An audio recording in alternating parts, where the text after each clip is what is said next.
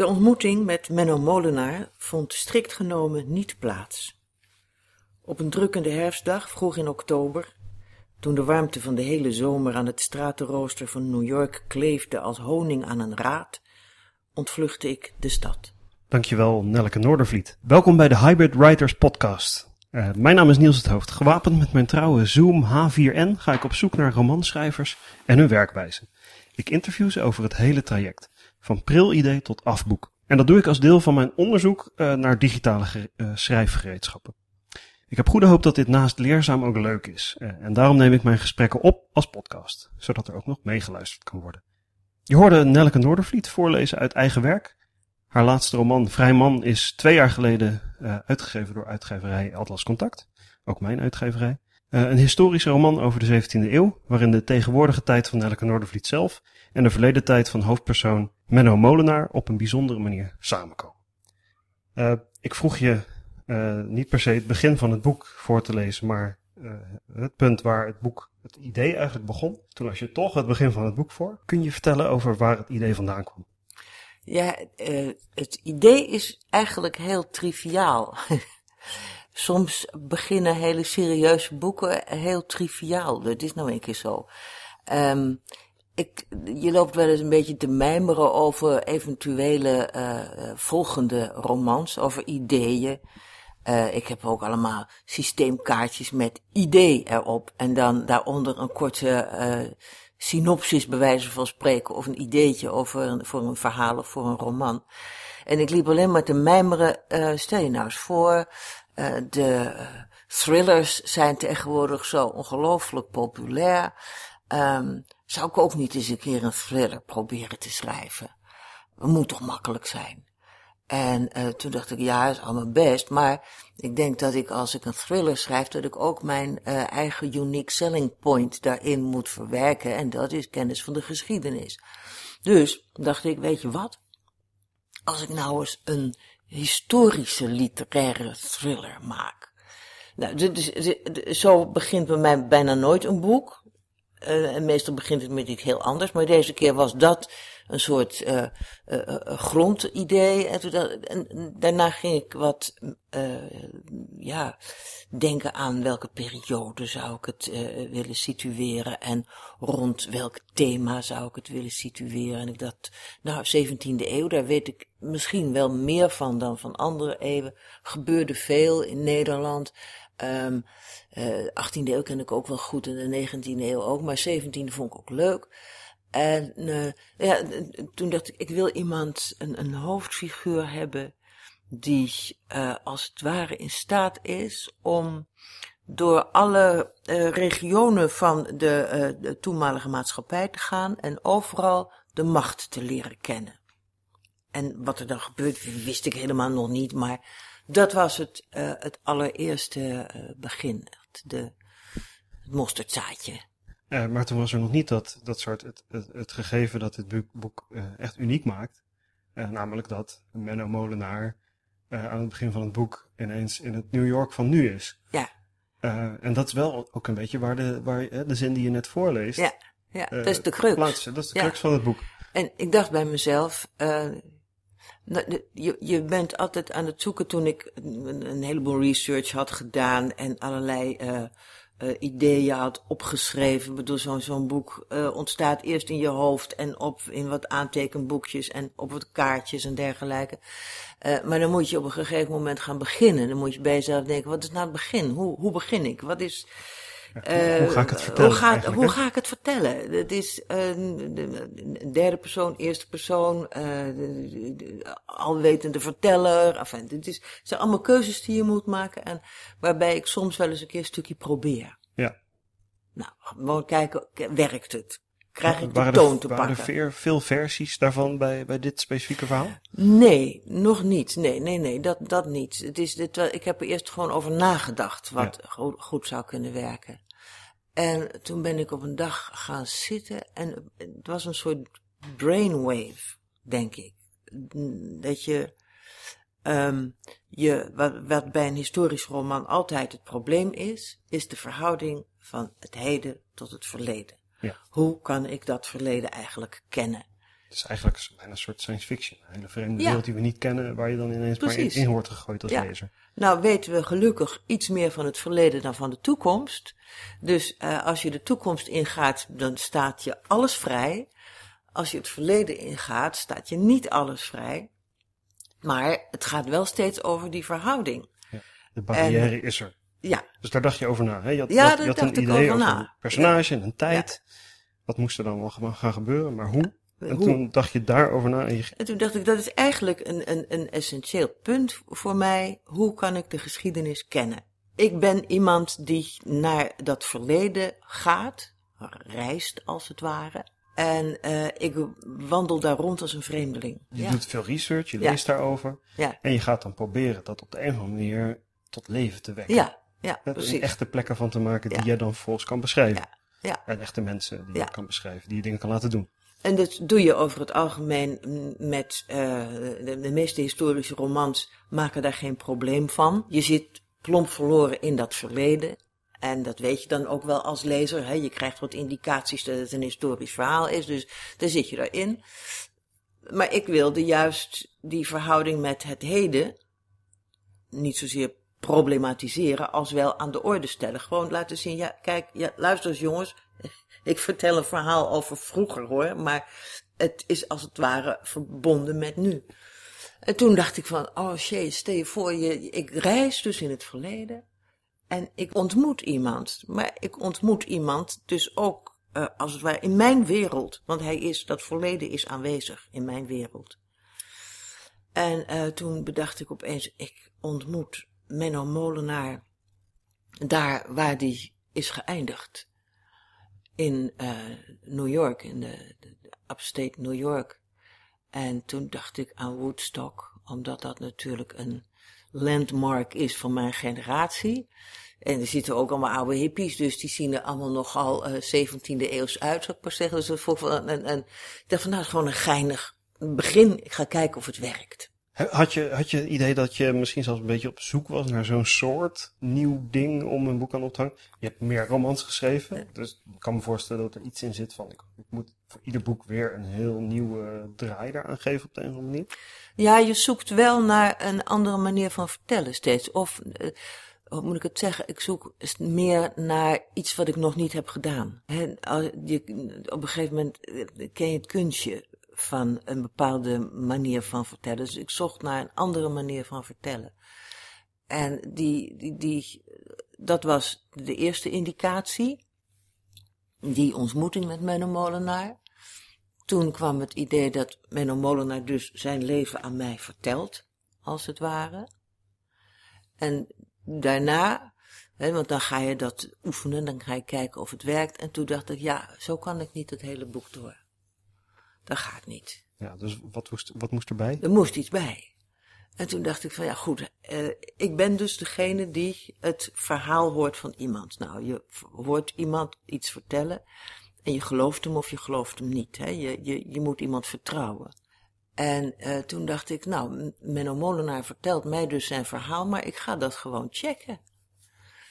Ik ga dat verhaal checken bij zijn eh, generatiegenoten, de mensen met wie hij in contact komt. Dat moeten de stemmen zijn van de getuigen uit het verleden. Eh, toen dacht ik, nou even kijken, proberen. Eh, een stem van iemand. Dat verhaal vertellen. Die kant van, van de zaak. En toen dacht ik, verdraaid, dat werkt. Waardoor je een soort breder palet hebt, waardoor Ja. je, voor ieder, ieder stukje kan kiezen eh, Ja, wie je daarvoor dat, wil wie dat vertelt. En Ja. je kunt dan ook, en dat vond ik heel praktisch ervan, eh, als het ware een heel stuk overslaan. Je bent opeens verder in het verhaal. En dat wordt je verteld door dat perspectief van die getuigen. Het- Dat zijn gewoon hele technische dingen. En, ehm, en ik dacht, oh, dat werkt lekker. Want je kan ook een register aanboren van een andere toon van die getuigen. Dus een andere karakter. En dat, dan krijg je een soort variatie. En dan is het niet één dreun, zal ik maar zeggen. Je krijgt verschillende perspectieven. En bovendien vond ik dat ook leuk om te doen. Ik, ik, dacht eigenlijk dat je, dat je iets anders ging zeggen. En dat eh, je, ging, eh, je gaat research doen. Maar in het boek krijg je het idee eh, dat het ook ander, dat het haast andersom werkte. Dat jij, wat de eerste zin ook zegt, het is strikt genomen niet waar gebeurt. En, en bijna dat, dat die figuren uit jouw research, in, in teksten, artikelen, boeken, eh, dat, dat, dat dat research tot leven komt en die personages veroorzaakt. Ja, en dat ja. je als lezer kan kiezen of je ze nou letterlijk wilt nemen, ja, ja. of als de, de figuren eh, die, die verschijnen in jouw verbeelding. Verbeelding. Ja, dat is grappig. Er zijn het, een aantal van die figuren heeft echt bestaan. Dus zijn historische figuren. Maar een aantal ook niet. En eh, bij die historische figuren heb je natuurlijk te maken met historische werkelijkheid. Dus dat is, die doen me op, zoals jij zegt, inderdaad uit de research. Eh, en bij de figuren die niet historisch zijn, gaat de verbeelding aan het werk. Maar bij de historische figuren moet je natuurlijk ook je verbeelding aan het werk zetten. Om te kijken van ja, eh, wat, wat was dat voor man? Hoe, eh, hoe spreekt die? Was die grappig? Was die Was die charmant? grappig? Precies. Eh, dat soort dingen. Ja. Dat, en dus je, de- je zit meer gebonden aan de werkelijkheid.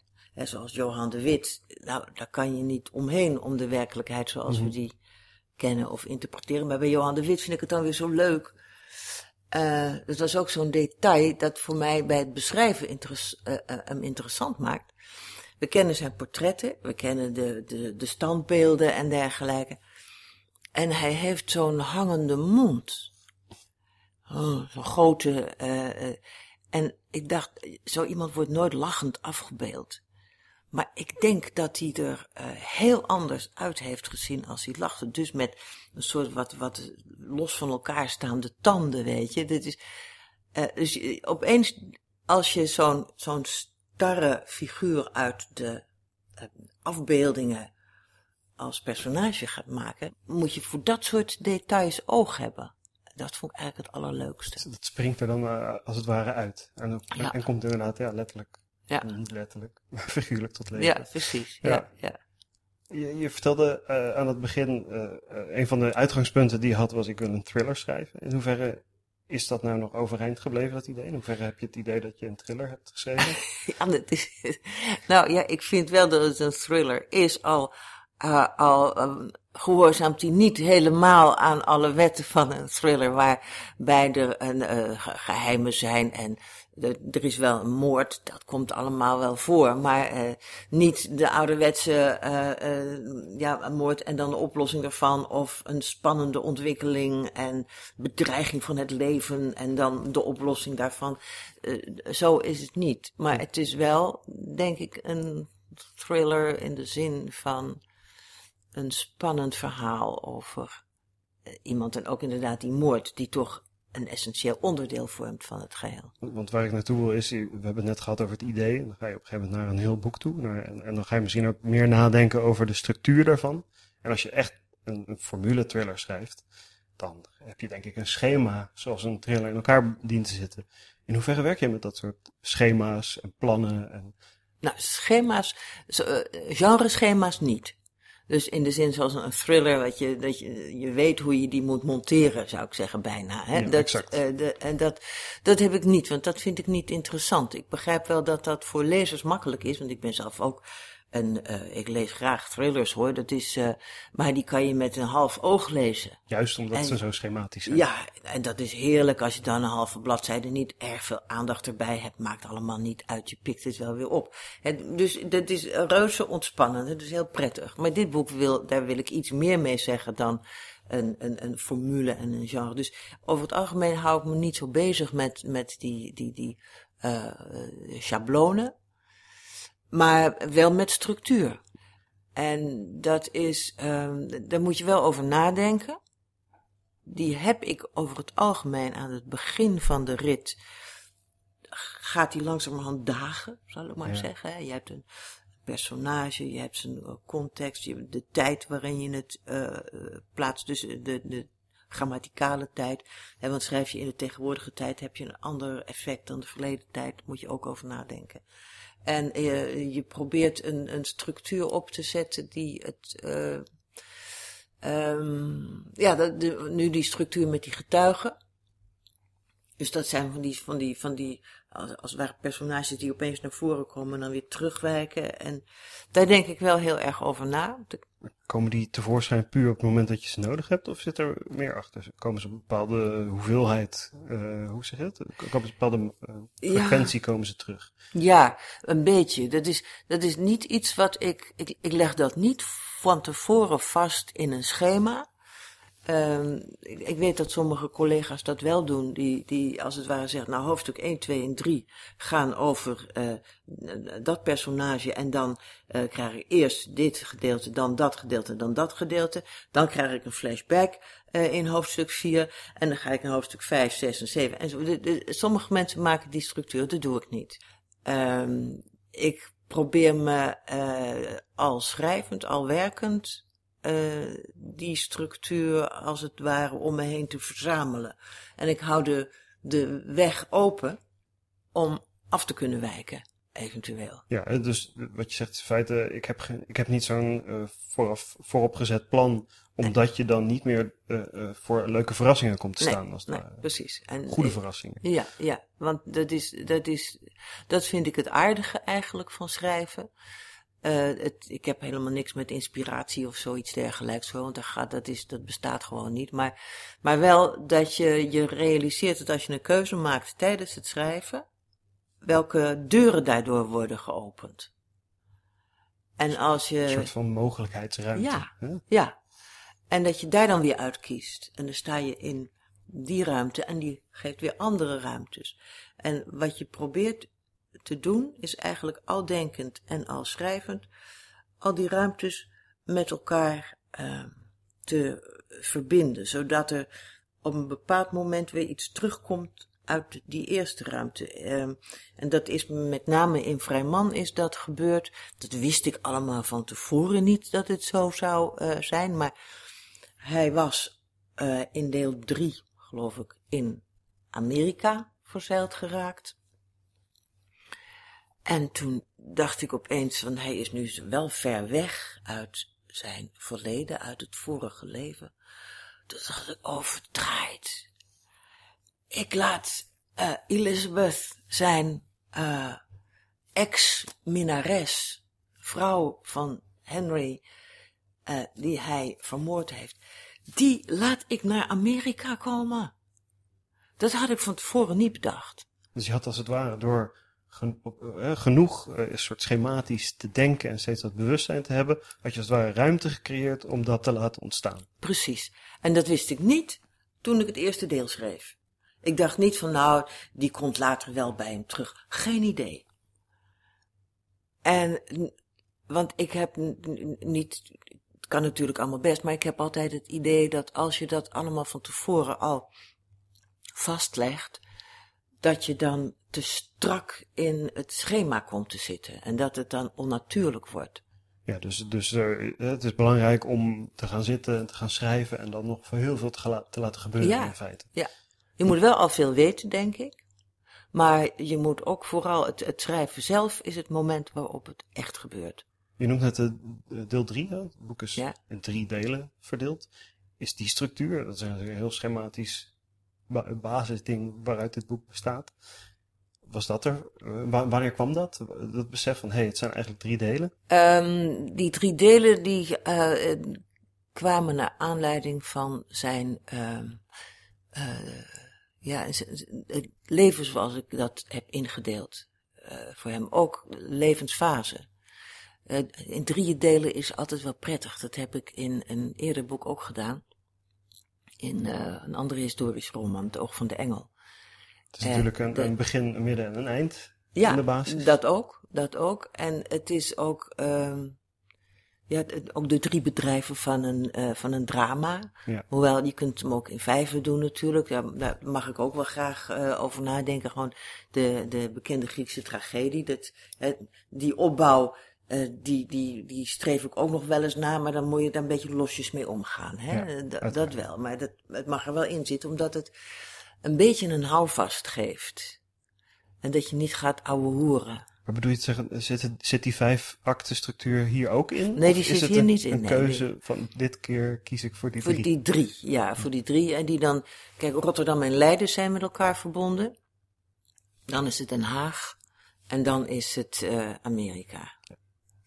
Dus dat, dat waren ook drie fases in zijn leven. Dus je kunt zeggen jeugd en studie, eh, werk en vlucht. Dat is natuurlijk een heel on-thrilleriaanse indeling. Absoluut, absoluut. Maar, eh, de, dat, dus, maar het feit dat het mij om eh, de, de achtergronden van de macht ging, hè, dat is vaak bij thrillers ook een, een, een element. Hè, degene die aan de touwtjes trekken, die zorgen dat er alles gebeurt. CIA Langley heb je dan in je hoofd. En dan dacht ik van, nou, dat is Den Haag misschien ook wel. Hè? Johan de Wit als een soort baas van eh, in de macht. Ik, wil, ik was wel geïntegreerd. Helemaal aan het begin had je het over indexkaartjes Ja, en, en opschrijfboekjes. En ja, voordat we dit, eh, dit Heel formele ouderwets. gesprek begonnen, hadden we het nog even over eh, artikelen die je uitprint. ja. Eh, om te beginnen, indexkaartjes. Zitten die in doosjes? Eh, Ja, die zitten in doosjes. Eh, er staat een doosje. En ik heb nog van al mijn vorige romans heb ik de stapels bewaard. Maar ik schrijf minder en minder op systeemkaartjes op tegenwoordig. Ik schrijf, zit, ik schrijf nog wel in boekjes. Maar ehm, misschien is dat een eh, resultaat van het vak langzamerhand eh, meer leren. En meer vertrouwen op eh, de, eh, de manier waarop het echt werkt als je schrijft. Ik hoef niet meer eh, voortdurend die kaartjes te raadplegen van wat wilde ik ook alweer zeggen. Dus ik zit meer in een soort eh, stroom terwijl schrijvend en denkend. maar eerder heb je dus wel meer met die indexkaartjes Ja, gewerkt. ja, en dan moet ik me voorstellen dat gewoon op een reeks indexkaartjes een heel boek, als het ware, voor, vooruit gepland werd. Totaal de verschillende soorten eh, eh, informatie. Ja. Soms een, eh, eh, een citaat uit een boek dat ik heb gelezen, of soms denk erom dat je de hoofdfiguur ehm, eh, een eh, soort lichamelijk gebrek meegeeft, of zo, weet je wel. En het lichamelijk gebrek moet dan dit zijn of dat zijn. Dat soort flauwekul. Ja. Eh, of eh, heel diepe gedachten over het leven en de, en de dood en zo, weet je wel. En de, Eigenlijk, een soort brokjes die later mogelijk deel Ja. werden van het boek. ja, ja, ja, ja. En dat heb je nu achterwege gelaten. Meer achterwege gelaten. de- wel vrij man, ik weet eigenlijk niet meer. Nee, heb ik, ja, heb ik, ja, heb ik nog wel kaartjes gebruikt. Maar ik heb ze minder vaak geraadpleegd dan bij vorige boeken. Dus het, het zat meer in mijn hoofd, toch. En wat, wat is dan de positie van het, het opschrijfbouwje daarbij?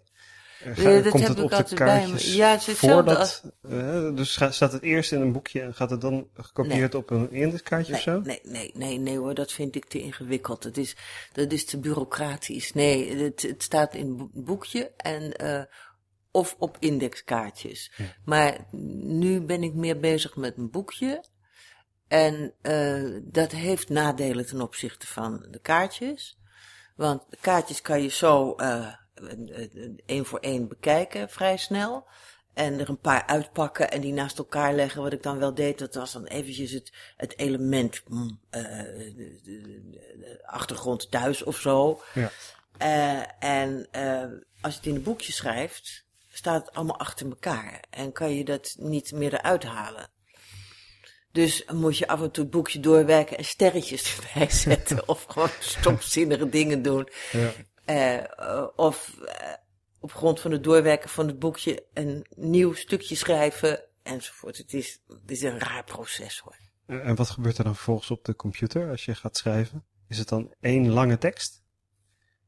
Oh, je bedoelt die tekst eh, lang, of al in in alinea's en hoofdstukken ingedeeld? Het, trouwens, sowieso schrijf je op papier eh, ook Nee nog hoor, wel? gaat Eh, gewoon meteen op de computer? Ja, ja, Eh, ja. En, en is er, heb je daar dan één lang eh, Word-document? Dat is eigenlijk mijn vraag. Ja, ik heb één lang Word-document. En, ehm nou, ik heb ook wel eens eh verschillende hoofdstukken, geloof ik, gehad. Ik weet niet meer. Het is, het is niet bij ieder boek helemaal krek hetzelfde. Maar over het algemeen is het een eh, één lang Word-document. Dat je iedere keer als je erin komt, ga naar, moet zeggen, 35, weet je wel. En dan kom je op bladzijde 35 uit. Want weet je dan precies dat je op bladzijde 35 iets wil toevoegen? Nou, dan ben ik dan geëindigd. Dan ben ik, Oh, dan ben je geëindigd. ben ik- ja, ja. En, maar je hebt dan wel onthouden dat je op die bladzijde... ja, het is ongeveer zover. Ja, Ja. ja. Ja, ja, Ik weet ook altijd, en dat is, vind ik zelf heel gek. Ik weet bijna altijd, wanneer ik aan een boek begin, hoe lang het wordt. Oké. Hoeveel bladzijden. Eh, want hoeveel bladzijden is, eh is Vrijman? Vrijman is volgens mij 450. Even kijken hoor, even, even checken. En heb je daar dan ook een, een woordenaantal bij? Eh, Dit is 463, vijf- 64. Nou, precies, dit is 450. Hangt natuurlijk van mijn uitgever af welk lettertype die kiest, enzovoort, enzovoort. hoe dicht die op, Ehm, op de maar dit is een vrij, vrij normaal lettertype. En ik, nee, ik, ben, ik weet niet hoeveel woorden dat zijn dan. Maar eh, wel bladzijden. Maar de, eh, zijn, en zijn die bladzijden, komen die een soort overeen met hoe het op je scherm staat? Nee, Want- ik heb op mijn scherm gewoon ouderwets A4'tje. gewoon Word-document. Ik heb niet een A4. Of tenminste, het is Eh, een ja, A4, het is een maar A4, geen, ja. eh, geen, eh, geen boekbladzijde. Ja. Maar dan moet je dus de, de A4'tje omrekenen naar bladzijden in een boek. Nee, het gekke is dat ik het gewoon weet. Dat, dat, ik, eh, dat ik denk van, nou, de stof die ik in mijn hoofd heb, eh, is voldoende voor een boek van 450 bladzijden of zo.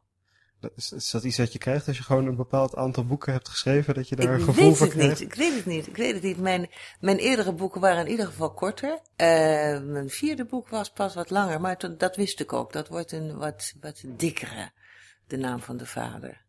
Waar, waar zit dat dan in? Eh, zit het in een bepaalde mate van onderzoek dat je doet? Eh, bepaald, ja, een bepaalde hoeveelheid materie? Ja, dat is het. Het is gewoon materiaal. Je denkt, Mo- Moet je het ook dus anders gaan aanpakken als, als proces? Ja, ja, dat denk ik wel. Ehm, eh, bij het boek voor Vrij Man, Zonder Noorden komt niemand thuis, wist ik dat is niet zo'n, eh, dat wordt geen dikke pil. En dat was ook omdat ik dacht, ik ga naast mijn hoofdfiguur staan.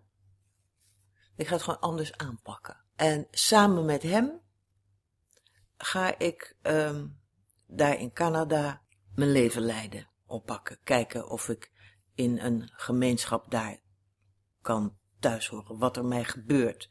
Het is een vrij veel trager boek dan die andere boeken met, nou ja, met veel eh, personages.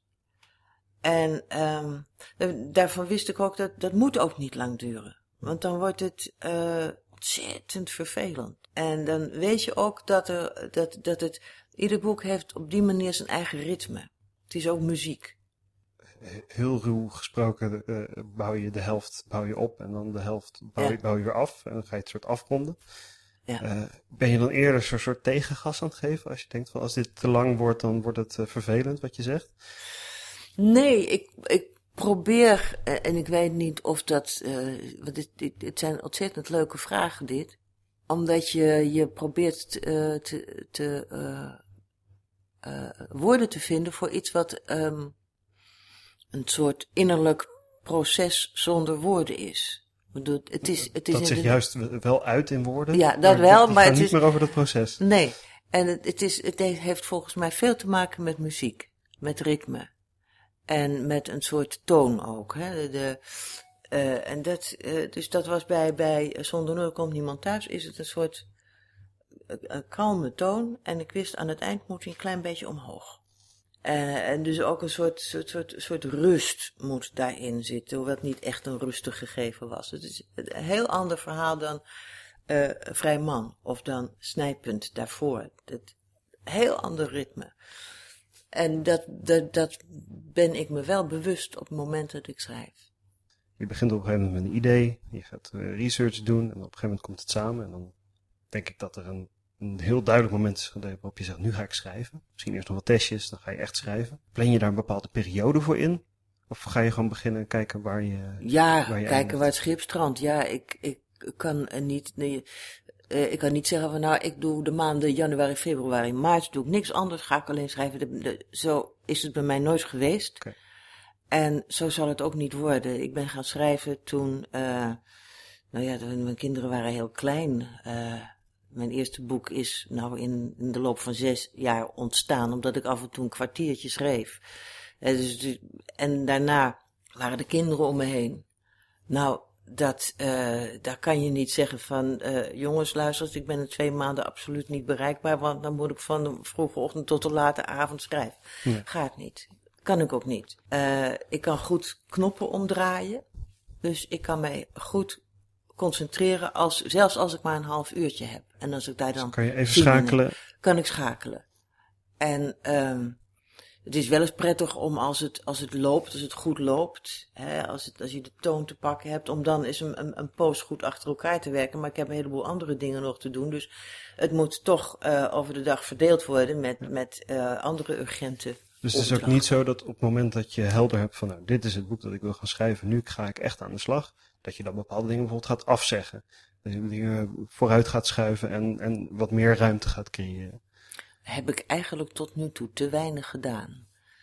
Ik ben wel een keer, uh, voor Vrijman ben ik uh, inderdaad daadwerkelijk twee maanden naar uh, New York gegaan. Okay. om, ja god, er is daar zelf helemaal niks meer te zien natuurlijk, maar in de omgeving nog wel. En dat is heel leuk. maar dat was echt bedoeld ook als research en om daar de, de, de, de couleur lokaal op te doen. En daar werkte ik ook daadwerkelijk elke morgen. En dan uh, smiddags gingen we andere dingen doen. Dus dat was, dat was wel speciaal daarvoor bedoeld. Dat is ook uh, dat elke morgen schrijven, dat is iets wat je veel hoort, dat schrijvers dat doen. Ja. Die, die op een gegeven moment hun leven echt ingedeeld hebben als ik ben een schrijver en ja. dat is het belangrijkste. Uh, maar dat hoeft dus niet. Nee hoor, helemaal niet. Het hoeft helemaal niet. Ik ben nu in, in mei ben ik een maand naar Ierland gegaan, want ik dacht dan ga ik daar werken. Ik heb helemaal niks gedaan. Nul. Dus ja, dat kan ook. Ja. En daar moet je niet uh, spastisch over doen. Ja, en andere schrijvers die dat allemaal, die een wat strenger regime hebben, die zouden totaal in de stress schieten als het zo zou gaan. Ja, ik heb een heel streng regime in de zin van dat ik erg gedisciplineerd ben, dat wel. Dus uh, als ik, uh, ik werk eigenlijk vaak en altijd, maar ik werk niet altijd achter mijn computer. Want ik heb ook geleerd dat als, het, uh, als je even geen tijd hebt of zo, als er andere dingen meer aandacht vragen, dat het werk aan een boek ergens in subconscious level altijd doorgaat en dat dat misschien zelfs wel goed is voor een boek. Dus dat je niet, uh, omdat als je er permanent aan denkt, dat kan misschien heel goed zijn voor sommige schrijvers, maar ik zou bang zijn dat ik dan uh, diepte zou gaan missen. En juist die diepte, die komt inderdaad als je er even wat, over, wat langer over kan nadenken, ja. niet per se meteen gaat schrijven. Precies. Ja, ja. En dat je, dat je dus meer, dat het meer verinnerlijkt wordt en dat je ook van binnen beter de mogelijkheden kunt zien. Je had het over dat aan het begin van je schrijfcarrière, dat je dan soms een kwartier of een half uur schreef. Kan je nog steeds in, in dat soort tijdspannen iets zinnigs doen? Ja, al was het maar gewoon een stukje terugnemen.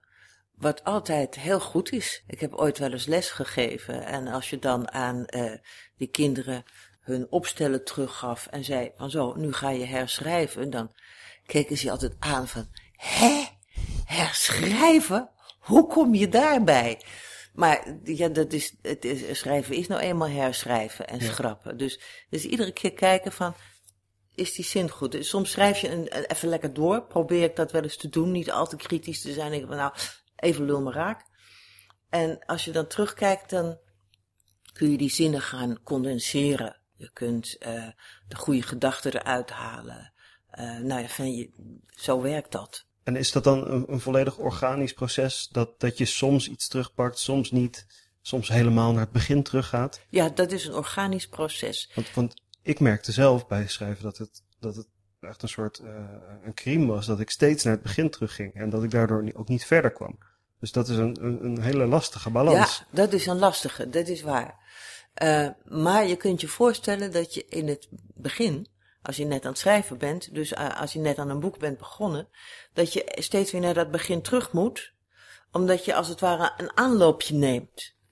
En dan een stukje verder gaat. Ja. En naarmate dat boek vordert, en je dus um, meer van wat er in je hoofd zit al op papier hebt gezet, hoef je niet meer zo vaak terug naar het begin. Het begin is wel heel erg uh, belangrijk, want daar ben je nog het meest stroef. En dan moet dat je... je vaak dan, als je helemaal klaar bent, dat aan, meestal aan het begin het meest nog aan moet gebeuren. Aan het begin moet het meeste gebeuren. Dat is bij mij ook altijd. En zelfs als ik denk van, nou, dit begin staat toch hartstikke mooi erop.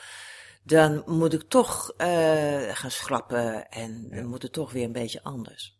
Ja, want je, je schrijft dus in uh, uh, een soort horten en stoten, gaat steeds een stukje terug om dingen te herzien. Dan uiteindelijk is er wel een versie af. Dat zie je dan als versie 1. Komt er daarna dan nog een significant herschreven tweede, derde, vierde versie? Soms wel. Um, die versie 1 is dus ontstaan met heel veel eh, hernemen en schrappen en, en denken en zo. Dus dit is een ontzettend broddelwerk. Daarom is het zo heerlijk om nu op de computer te kunnen werken. Heerlijk. Stel voor, al dat gepriegel en dat geplak en dat gedoe. Het is vreselijk. Dus ik bewonder enorm schrijvers als Hugo Claus, die altijd zomaar met pen achter elkaar, bijna zonder doorhalen, een roman schreef. Ja, dat is echt, uh, dat is ouderwets handwerk. Dat, dat beheersen we niet meer. Uh, maar nu vind ik het dus fijn dat je een schoon manuscript hebt steeds. En wat wilde ik nou daarover zeggen? Uh, en als je dan die tweede versie ja, maakt? die tweede versie, ja, dan worden er toch weer dingen veranderd. Dus, ja. um, want die, uh, als ik dan aan het eind van die eerste versie ben, dan ga ik naar mijn uh, redacteur. En die leest het en uh, we spreken het dan door. En dan moeten er soms dingen nog uit of verplaatst worden. Of, dan gebruik je dus ook het perspectief van je redacteur om een nieuw licht te werpen op wat het nou eigenlijk is dat je gemaakt hebt. Precies. En, en, en daar is de redacteur uh, cruciaal in. Dat is een, een uh, zelf ben je ook wel in staat om te zien wat je hebt gedaan. Maar um, ik probeer altijd, het is heel vervelend. Uh, ik, je weet als schrijver zelf het beste wat de zwakke plekken zijn. En waar je een beetje, nou oké, okay, laat maar staan, hebt gezegd, bij wijze van spreken. Mm -hmm. En ik hoop altijd dat Tilly, mijn redacteur, dat niet ziet. Tilly Hermans? Ja, maar ze ziet het altijd. Het is ontzettend frustrerend. Uh, Vervelend, dat hebben collega's. Uh, Roel uh, Bent van den Berg heeft precies hetzelfde. Die probeert ook wel eens iets doorheen te laten glippen. Maar nee hoor, ze ziet het altijd. En dan weet je, ja, ja het is ook waar. Ja, ja, dat, ik weet het. Dat, dit klopt niet. En, maar als je er dan even over hebt gepraat, dan zie je ook weer de oplossing. Dan dient dat zich ineens aan. Ja, juist doordat je erover praat en dat je gedwongen wordt om te vertellen wat je nou eigenlijk wilde zeggen. En dan opeens blijkt je ook weer andere uh, moeilijke plekken te kunnen verbeteren. Dus dat is een belangrijk uh, onderdeel. En ga je dan altijd echt in de tekst aan het werk, toch weer? Want ik vind dat af en toe ook wel lastig. Dat je, het is natuurlijk een, een zegen, uh, Word of, of welke teksten werken dan ook, waarin je Hè, uh, zinnen kan, kan schrappen, uh, mm-hmm. kan verplaatsen, woordjes uh, kan veranderen. Maar soms is het ook juist wel fijn om het even helemaal weg te gooien en echt met een stuk opnieuw te beginnen. Doe je dat ook wel? Ja, dat doe ik ook wel eens. Dat ik, dat ik die versie parkeer en bij mezelf denk, of gewoon soms ook wel eens een heel stuk wat ik dan klaar heb, waar ik niet helemaal tevreden over ben, maar waarvan je denkt van ja, moet toch nog maar even blijven staan, hè, niet weggooien. en dan maak ik het opnieuw, ja. En zo, zo heb je ook nog wel eens aardige spin-off van uh, dingen. Want ik had in Snijpunt had ik een heel stuk uh, geschreven, geloof ik. En ik dacht, dat kan er niet in. Dat moet niet. Dat voert te ver. Dus heb ik geparkeerd. En gedacht, misschien kan ik daar nog wel eens wat mee. En daar heb ik een uh, verhaal van gemaakt later. En, en dat is alleen maar als radioboek verkrijgbaar, dat verhaal. Bijna een soort bijproduct van een roman. Ja, wat, wat je dan weer bewerkt. En je denkt van het is eigenlijk hoeft geen slecht stuk te zijn, maar het past niet in dat boek. Maar ik kan het op een andere manier gebruiken. Ja. Ja, dus dat doe ik ook wel. Heb je het trouwens eerder ook al over de roman met, je, met, met Tilly Hermans in dit geval? Nou, ik ben daar heel terughoudend over. Je hebt, je hebt misschien ook, nu je zoveel boeken al geschreven hebt, niet meer die behoefte, of ik weet niet of je dat überhaupt aan het begin had, maar die behoefte om een soort te toetsen, is dit een goed idee? Is het een goed nee, idee als ik dit ik boek ga gedaan. maken? Heb ik nooit gedaan. Ik ben, ik ben erg beïnvloedbaar, ben ik bang. En als je, ja, het is vreselijk als je, ik heb het wel eens gedaan dat ik dan aan Tilly vertelde waar ik mee bezig was. En niets is moeilijker dan te zeggen waar je mee bezig bent. Want Ja. het is er pas als het er is. Ja. En iedere samenvatting klinkt knullig en ontzettend oninteressant. En Tilly is gelukkig iemand die altijd zegt, oh ja, oh, dat is interessant. En die dan uh, meedenkt met zo'n onderwerp. Maar ik voel me altijd doodongelukkig dan. Ja. Dus ik denk van, nee, dit, maar dit is niet wat ik ga maken. Dit is, hier gaat het wel over, maar... Hè? Dus ja, ik, maakt hier zulke andere intu eh, intuïtieve keuzes over dit idee. Ja. Het is eigenlijk nog in jouw hoofd een soort kwetsbaar dingetje dat zijn eigen vorm moet krijgen op, op, jouw manier. Ja, precies. Dus ik durf daar niet zoveel over te zeggen. En uh, ook als het, ja, dat duurt dus heel lang. Ik, ik zeg daar nooit zo verschrikkelijk veel over. In, in zekere zin betekent dit dat, dat de roman, in ieder geval jouw romans, als het ware niet in een andere vorm kunnen bestaan dan in die uiteindelijke roman. Dat je geen samenvatting zou kunnen maken. Of een, nee. Dus, en, en, dat hangt ook weer samen met dat schema. Ja. Andere, andere schrijvers zullen een schema opzetten dat bijna als een soort samenvatting, een outline van het boek leest. Een synopsis en zo. Ik vind het altijd vreselijk moeilijk als er een, eh, een, een achterplat moet worden gemaakt en, of een samenvatting voor de aanbiedingsfolder. Uh, dan zegt uh, Tilly altijd, heb je daar een tekst over? Dan zeg ik, ik, dat kan ik niet. Doe jij maar. En als jij het dan hebt gedaan, want jij kunt mij vertellen waar mijn boek over gaat, dan wil ik zelf nog wel even kijken of er niet nog een zinnetje bij moet, af moet en zo, om het nog wat, wat, wat rond te maken. Maar ik weet nooit waar een boek over gaat. Dus, dus inderdaad, de, de achterplatteksten, die zijn altijd een soort coöperatie tussen jullie Ja, absoluut. Doe ik niet zelf, kan ik niet. Nee, zij moet dat eerst zeggen. Denk ik, oh ja, daar gaat het over. Ik, ik was daar ook nog wel benieuwd naar de, bij uh, jouw hele lange Word-document. dat is nogal wat, een Word-document van, van 450 uh, romanpagina's. Uh, daar is het soms misschien heel lastig dat je niet een bepaalde vorm van samenvatting hebt. Dat je dus altijd op zoek moet gaan naar dat punt waar het ook weer was, waar je misschien wil je even weten wat iemand zei, of wat, wat voor hoedje die op had. Of... Ja, nou ja, uh, dat is, dat dus, uh, dat kan, dan, ja, dat is moeilijk, maar je hebt natuurlijk ook fantastisch zoek, uh, zoekmogelijkheid. Hè? Want ja. meestal weet ik wel, oh, er stond in dat fragment stond dat en dat woord. En dan doe ik zoek. En dan kom ik er. Dus dan spring je op zo'n manier zo door het document heen. Ja, dus dat is, nee, daar, daar word je ontzettend gehaaid in. Het is wel waar dat die continuïteitsproblemen in zo'n heel groot uh, stuk wel eens uh, op kunnen spelen. Ik had het bij uh, Snijpunt, dat las ik voor als luisterboek, terwijl het bij de drukker lag. Ja. Dus echt al drukproeven waren al geweest? Nee, de drukproeven uh, waren nog niet geweest. Ze okay. waren, ze, het werd gedrukt. Of had ik, nee, ik had wel drukproeven, geloof ik. Ja, ik had wel drukproeven. Dat is waar. Want daar las ik het uit voor. Ja, ja uiteraard. Precies. Dus, uh, was er maar, dus ook mogelijkheid nog om het aan te passen? Ja, dat was het punt namelijk. Ik uh, was bijna aan het eind van het boek en de hoofdfiguur die komt een, een, een kerk uit, of wordt er uitgedragen in een lichtbeige broek. En terwijl ik het las, en dat is iets wat heel uh, opvallend is, dan heb je een ander geheugen, hè? dacht ik, shit, ik heb hem 150 bladzijden hiervoor in een donkerblauwe broek die kerk in laten gaan. Dat is een continuïteitsprobleem. En ik had het niet gezien. Tilly had het niet gezien. De persklaarmaker had het niet gezien. Niemand had het gezien dat dat niet klopte. Uh, dus toen ben ik meteen gaan bellen. Jongens, kan het nog veranderd worden? Ja, godzijdank kon het nog veranderd worden. Ja. Maar het, het gekke is, en dat is ook iets wat, wat um, je hebt bepaalde vormen van geheugen. Hè? Dus je weet ongeveer waar iets staat eh, in zo'n document. Maar dat je pas die, dat ik pas dat uh, continuïteitspunt ontdekte doordat ik het hardop voorlas. Ja. Dat doe ik trouwens wel eens. Uh, het boek hardop voorlezen? Stukken hardop voorlezen. Aan, aan iemand of aan, aan jezelf? Mezelf. Ja. ja. Want Jan Wolkers las bijvoorbeeld aan zijn vrouw voor. Uh, iedere tekst, geloof ik. Ja, ja, ja. Dat soort trucjes. Ja, er zijn mensen die iedere avond dan uh, datgene wat ze hebben gemaakt aan hun. Uh, moeten niet aan denken. Ik uh, kan dat niet. Tilly en, en dus de, de persklaarmaker zijn ook echt de enige mensen die naar de tekst kijken als die nog in een, ver, in een staat van onvoltooidheid is? Of heb je gewoon me meelezers? Nee, ik heb geen meelezers. mijn man leest ook zodra het af is. Uh, maar die weet precies wat hij moet zeggen. Die zegt, dan het is het mooiste wat je ooit hebt geschreven. En dan een paar weken later zegt hij, ik heb een paar opmerkingen, mag dat? En dan uh, heeft hij een aantal opmerkingen uh, bij de tekst. En die, nou ja, die beschouw ik ook, die zijn ook hele, heel zinnig meestal. Dus die verwerk ik ook. Maar ik heb niet tien meelezers.